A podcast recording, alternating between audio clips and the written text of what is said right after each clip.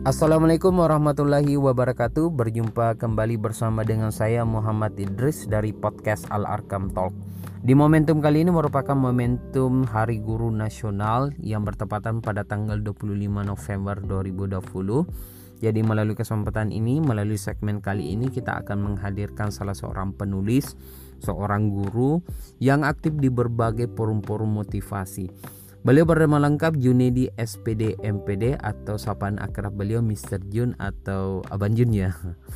Ya jadi melalui kesempatan ini kita akan mencoba untuk menghadirkan buku yang ditulis oleh Mr. Jun yaitu menjadi guru yang dirindunya.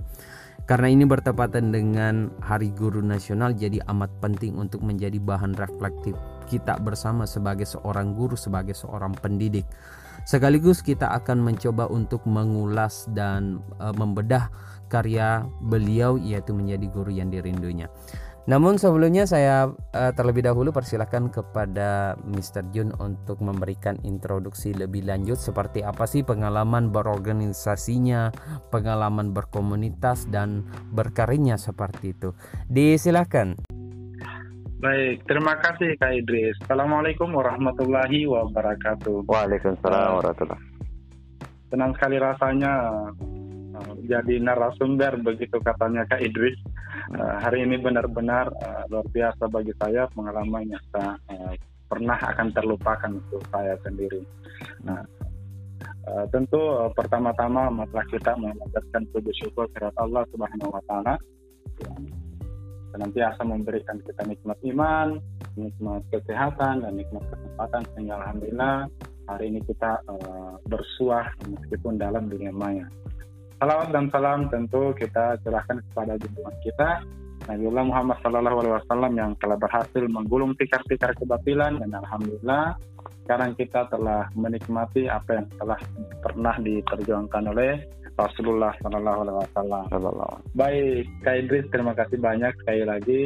Perkenalkan, uh, saya Junaidi. Teman-teman biasanya menyapa saya lebih dikenal dengan Mr. John. Hmm. Itu nama beken uh, istilahnya Kak Idris. Yeah, iya, biasanya yeah, kalau teman-teman ada nama bekennya, nama kerennya, Hmm. Uh, saya dikenal kalau di sekolah itu Pak Teddy. Kalau misalkan uh, teman-teman di uh, dunia penulis, dunia hmm. nama pena saya istilahnya Mr. John. Mr. John ya, oke. Okay, ya, okay. Mr. John. uh, saya dari Bulukumba Kaidris, hmm. uh, besar di sana, kemudian dari SD, SMP, SMA.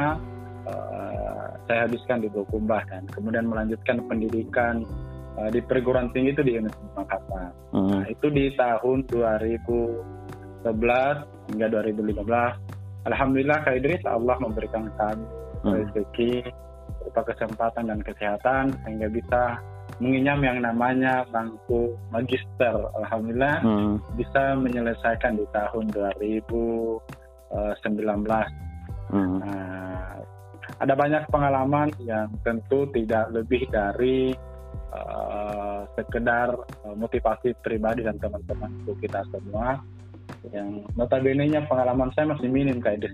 Kalau hmm. berbicara masalah pendidikan, berbicara masalah guru, tapi alhamdulillah yang namanya manusia, yang namanya guru tidak ada kata berhenti untuk terus belajar. Betul. Dan hari ini uh, izinkan saya memperkenalkan secara singkat perjalanan uh, karir saya istilahnya yang disebut tadi dengan Kak Idris. Uh, bagaimana perjalanan baik dari organisasinya, kemudian komunitasnya. Alhamdulillah dari uh, jujur saya termasuk orang yang takut sekali yang namanya berorganisasi kayak gitu. Hmm. Uh, di awal kuliah itu salah satu uh, pengalaman pahit yang tentunya uh, mindset berpikir di kalangan keluarga di kalangan masyarakat itu bahwa organisasi itu akan menghambat kuliah kita. Yeah, yeah. Padahal sejatinya kalau misalkan kita pikir, kita jalani dan kita mampu memanage waktu dengan baik, ternyata kuliah dan organisasi adalah salah satu magnet yang tidak bisa uh, yang memiliki uh, nilai positif begitu. Salah hmm. satu contohnya. Uh, di semester 5 Pak Idris saya uh, aktif sebagai uh, di organisasi Muhammadiyah yaitu Ikatan hmm. Mahasiswa Muhammadiyah bersama dengan beliau uh, bersama dengan Kak Ikut ya. Iya iya iya. Uh, Alhamdulillah ini kesyukuran besar ini Kak Alhamdulillah. 2014 ya kita hmm. akan uh, disatukan ya Allah Subhanahu Taala sebagai partner partner uh, salah satu bidangnya bidang tablik uh, Kak Idris uh, kabit ya saya tekniknya iya. meskipun saya, saya, saya masih ingat-ingat waktu itu kita saling tunjuk menunjuk dan endingnya saya yang ditunjuk jadi kabit. Seperti itu. Salah satu momen yang tak terlupakan di saat orang berlomba-lomba untuk kabit kita malah paling tunjuk menunjuk ini. Alhamdulillah salah satu keberkahan yang dihadirkan dalam hati kita oleh Allah SWT untuk tidak uh, haus akan amanah tetapi bagaimana kita mempercayakan kepada seseorang karena kapabilitas dari uh, bidang itu sendiri. Kemudian orangnya mampu ya kenapa tidak. Hmm. itu bukan persoalan umur ya kayak itu hmm, betul betul. Nah, Kemudian yang kedua, uh, alhamdulillah juga menambah pengalaman di himpunan mahasiswa jurusan PGSD. Jadi saya ini jurusan PGSD kayak di S1 hmm. saya, kemudian S2 itu dihabiskan di Unisma Makassar, itu PGSD S1 S2 alhamdulillah. Hmm. Jadi saya murni lahir dari SD dari produknya Unisma Makassar.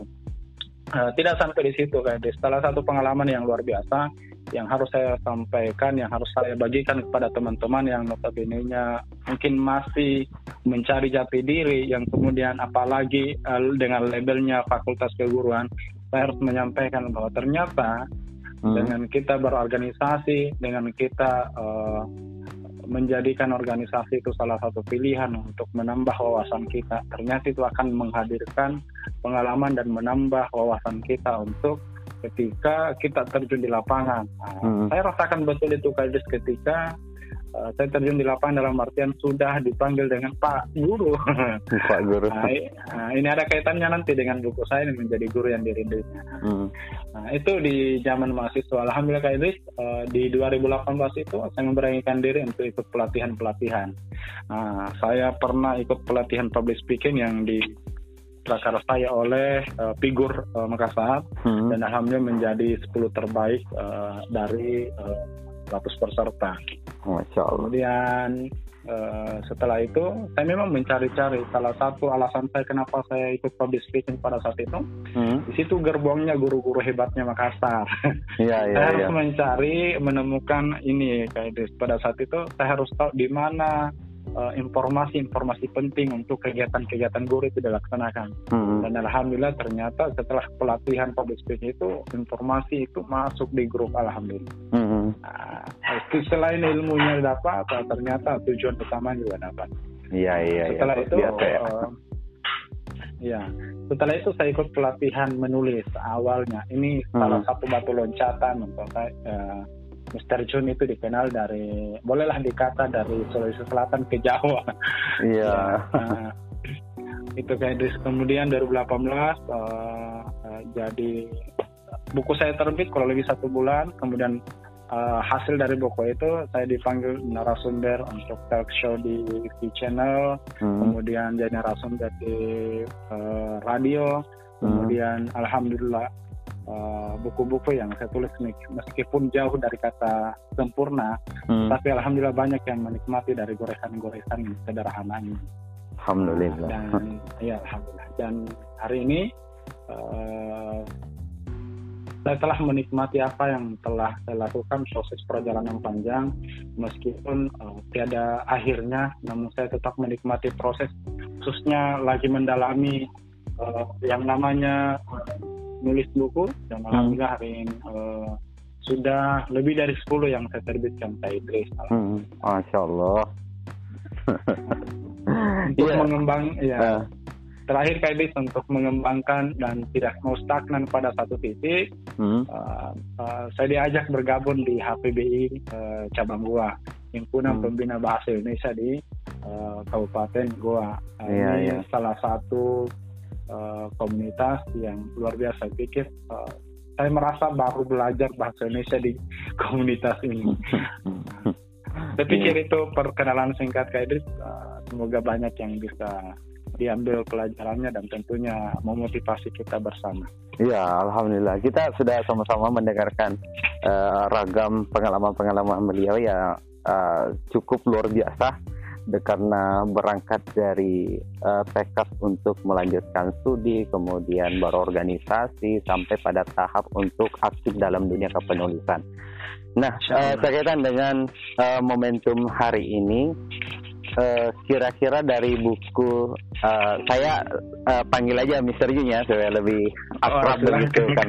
Karena karena ini berkaitan dengan uh, buku maka tentu saya akan mencoba melakukan proses pendekatan termasuk untuk menyapa uh, narasumber kita dengan nama penanya. Jadi saya panggil aja Mister Jun kira-kira uh, di momentum uh, Hari Guru Nasional uh, di kesempatan ini kira-kira permasalahan guru yang dihadapi saat saat, saat sekarang ini kira-kira seperti apa?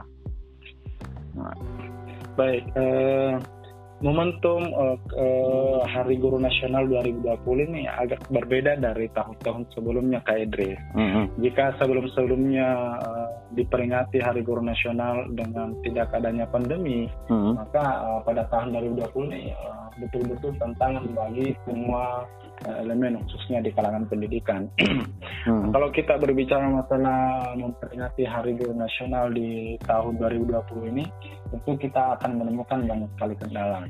Hmm. Uh, baru-baru ini uh, Mas Menteri kan mengumumkan bahwa di tahun ajaran baru di tahun 2021 itu sudah bisa dilakukan pembelajaran tatap muka. Hmm. Baru-baru juga uh, saya mendengarkan penjelasan dari Ketua IGI hmm. Ikatan Guru Indonesia dia menyampaikan bahwa uh, salah satu kritikan beliau dia menyampaikan bahwa uh, IGI sudah menyampaikan 5 Mei 2020 hmm. uh, lalu sudah menyampaikan bahwa tahun ajaran baru itu harus dipindahkan ke Januari. Nah, Januari dia ya? menganggap, iya, dia hmm. menganggap begini. Uh, ada banyak hal yang uh, ditemukan terkait dengan kegagalan Mas Menteri dalam uh, melakukan proses pembelajaran. Hmm. Bayangkan karena tidak adanya persiapan guru-guru untuk melakukan proses pembelajaran secara daring, hmm. kemudian itu berdampak kepada uh, siswa dan orang tua. Yeah. Ada kurang lebih 50 persen. 50 persen dari kalangan guru itu tidak tahu mengoperasikan atau melek yang namanya teknologi. Hmm. Sehingga jangan uh, peserta didik itu banyak stres sehingga banyak-banyak yang kita temukan peserta didik itu yang stres sehingga bunuh diri. Hmm. Ini adalah salah satu masalah di yang saya pikir yang harus ditemukan solusinya di momentum Hari Guru Nasional. Hmm. Iya iya iya. Itu tadi. ya jadi uh, persoalan masalah memang uh, agak lebih kompleks ya karena mungkin uh, situasi pandemi saat sekarang ini yang kemudian uh, melakukan sebuah pergeseran metode yang yang awalnya kita tatap muka dan akhirnya saat sekarang ini dilakukan secara daring. Yang tren saat sekarang ini berdasarkan penelitian yang saya dapatkan itu menimbulkan sebuah kejenuhan. itu ya, yang, yang menjadi kendala. Nah, kira-kira eh, di dalam eh, bukunya Mr. Jun eh, memandang seperti apa sih idealnya seorang guru itu? Pertanyaan yang sulit ini guys. Iya, Kalau iya. berbicara masalah uh, kata jenuh, bukan cuma siswa sebenarnya yang jenuh kayak Grace, hmm. tapi uh, titik kejenuhan itu sudah sampai pada uh, para pendidik. Nah, yeah. Ini saya berbicara khusus untuk di kalangan pribadi, khususnya saya. Yeah, yeah. Saya kan juga bergerak di khusus untuk mengajar di kalangan uh, SD. Hmm. Saya merasakan betul bagaimana perasaan siswa yang sudah mengatakan sudah capek betul-betul belajar dari bahkan orang tuanya pun sudah capek. Baku kejar-kejaran kan Idris orang tua baku kejaran. Ternyata sebelakang ini uh, siswa yang jenuh ternyata lebih lebih jenuh iya, iya. uh, tingkat kestresannya itu uh, belakang ini orang tua itu uh, bertambah. Nah hmm.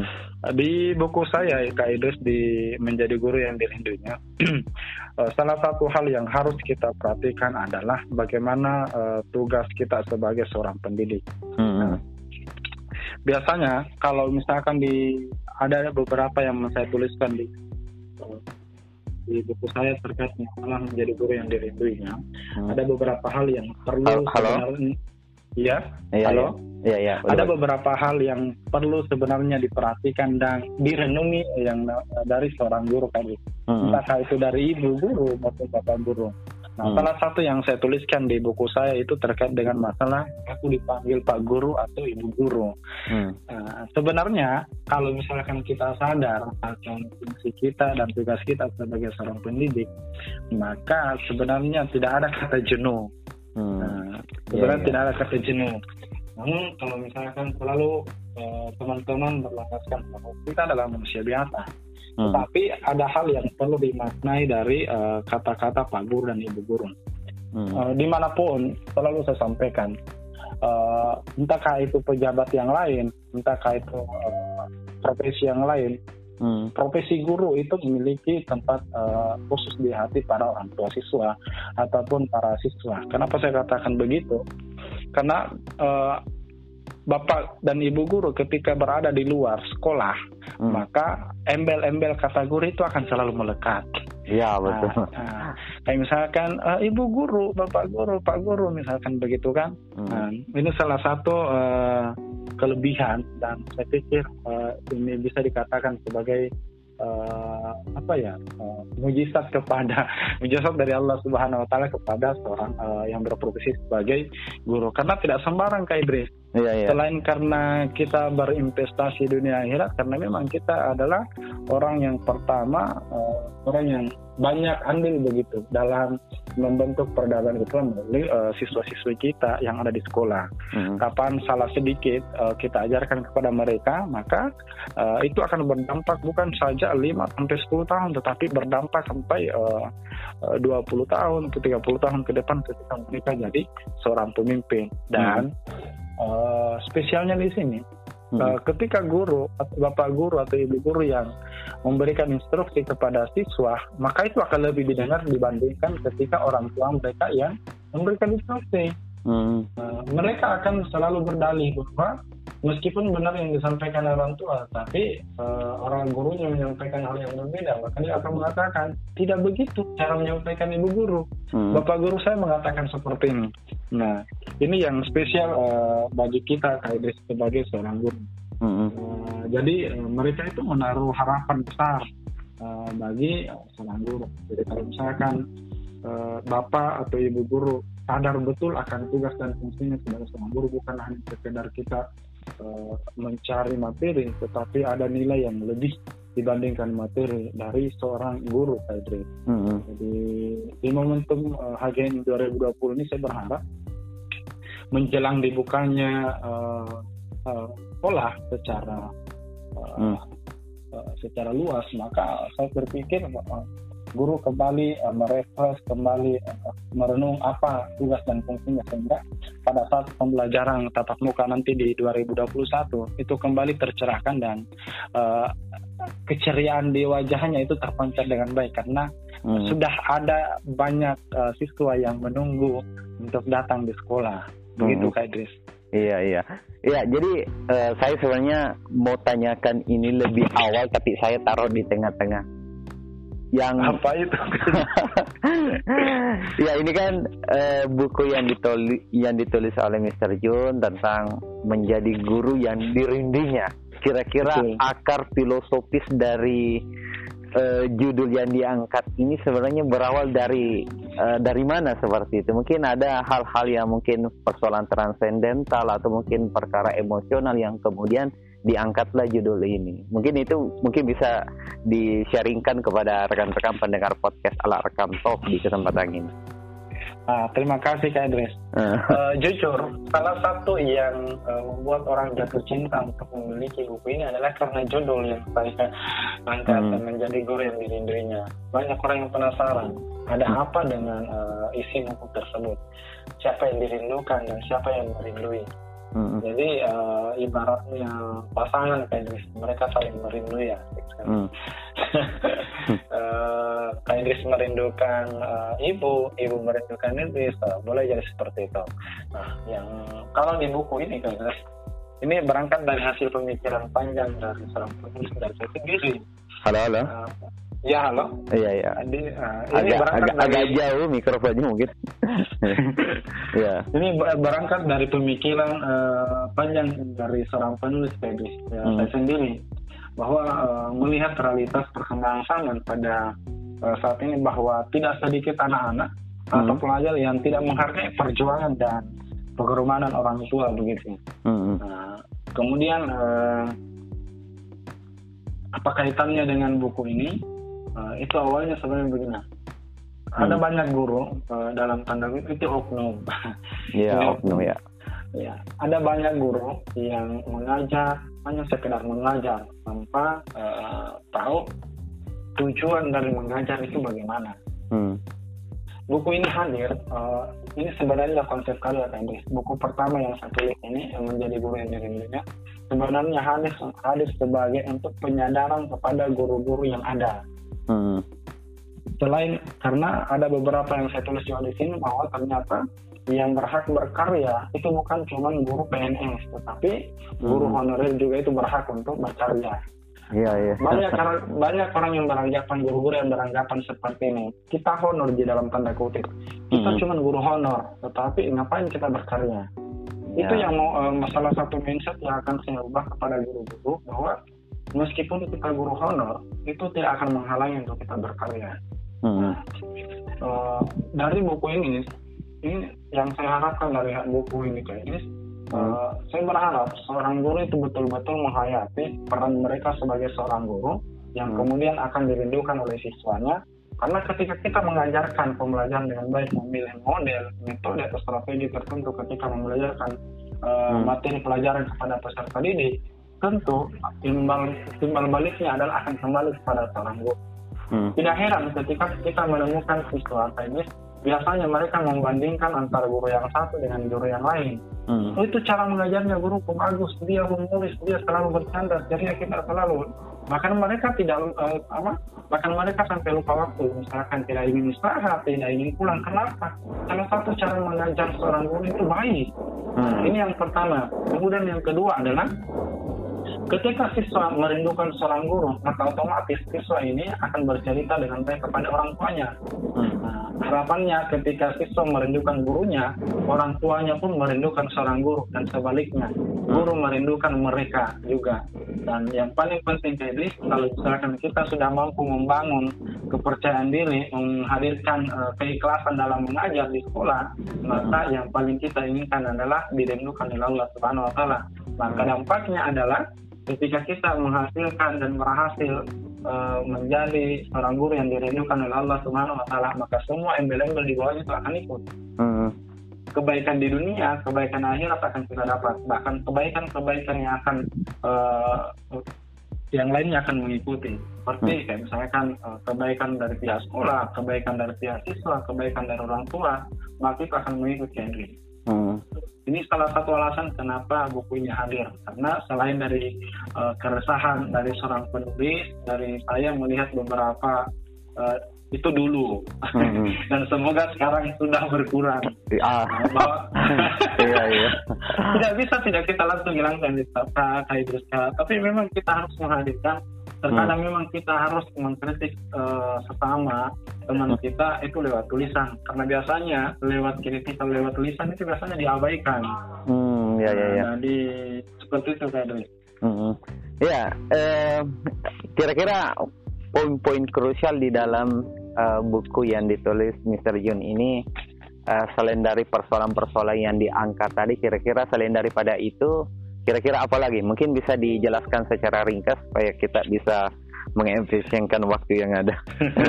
Terima kasih. iya, iya. Jadi uh, selain uh, yang pertama yang saya hadirkan adalah proses penyadaran kita sebagai seorang guru, hmm. saya juga menuliskan di sini bagaimana uh, gambaran guru sukarela itu. Iya.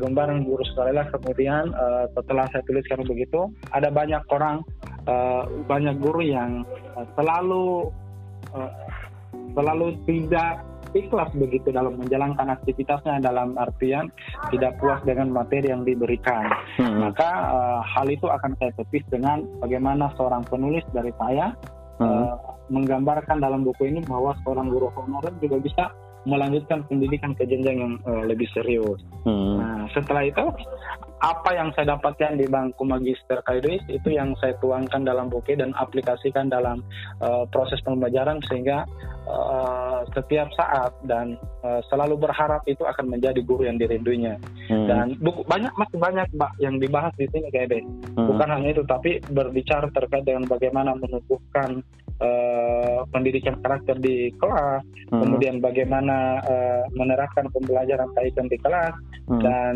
yang paling penting itu adalah di sini menggambarkan bagaimana uh, sosok guru abad 21 Pak Idris. Hmm. Itu bukan hanya harapan, tapi sebuah kenyataan. Iya, iya, iya. Ada banyak hal sebenarnya masih banyak Pak Idris terkait dengan yang saya bahasakan di buku ini. Ini betul-betul saya luapkan dari hati karena berangkat dari pengalaman pribadi. Hmm begitu Chandra.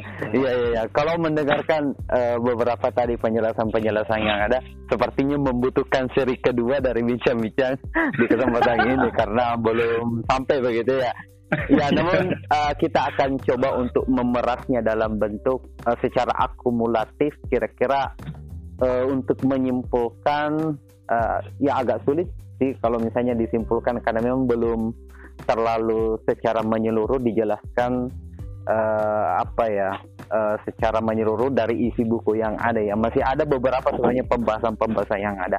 Agar tetapi kita Betul. coba untuk uh, peras begitu. Kira-kira uh, apa poin penting yang uh, untuk disampaikan kepada para pendengar podcast Al Arkam Talk secara umum dan terkhusus kepada para guru-guru yang uh, kemudian tergerak ketika mendengarkan podcast ini kira-kira seperti itu Baik, Kedis terima kasih.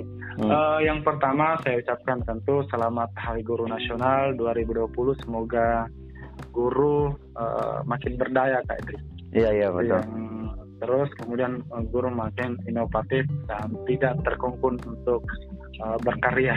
Hmm. Uh, selanjutnya saya selalu sampaikan kepada baik itu uh, kepada teman-teman terutama profesi, kemudian ketika bertemu dengan teman-teman yang ada di luar profesi selalu saya sampaikan bahwa hmm. pada dasarnya semua itu uh, dari kita adalah orang-orang yang hebat. Cuman biasanya kita terlalu rakus untuk mau menguasai semua bidang. Hmm.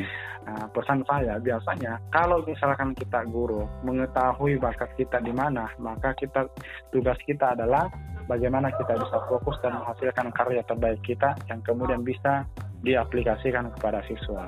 Hmm. Apatah lagi uh, di sekarang ini adalah uh, masih dalam keadaan uh, pandemi. Hmm. saatnya guru-guru menemukan bakat yang terpendam dalam dirinya ketika belum menemukan.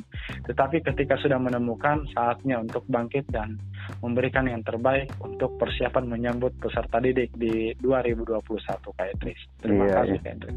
Iya, uh, saya kira itu tadi uh, semacam closing statement dari uh, pembicara kita atau pembedah dari buku yang beliau tulis. Tentu ada banyak hal yang kemudian uh, mungkin masih miss untuk disampaikan. Insya Allah di kesempatan lain mungkin bisa disampaikan begitu. Apakah melalui uh, sesi kedua atau secara, secara tatap muka langsung berdiskusinya seperti siap siap kayak ya. Jadi uh, dari kami dari podcast Alarkam Tol mengucapkan syukuran jazakallah atas partisipasi dari Mr. John yang telah meluangkan waktunya untuk berbagi bersama dengan teman-teman dari podcast Alarkam Tol. Saya kira demikian. Wa akhiru dawanin alhamdulillahi rabbil alamin. Uh, Wassalamualaikum warahmatullahi wabarakatuh.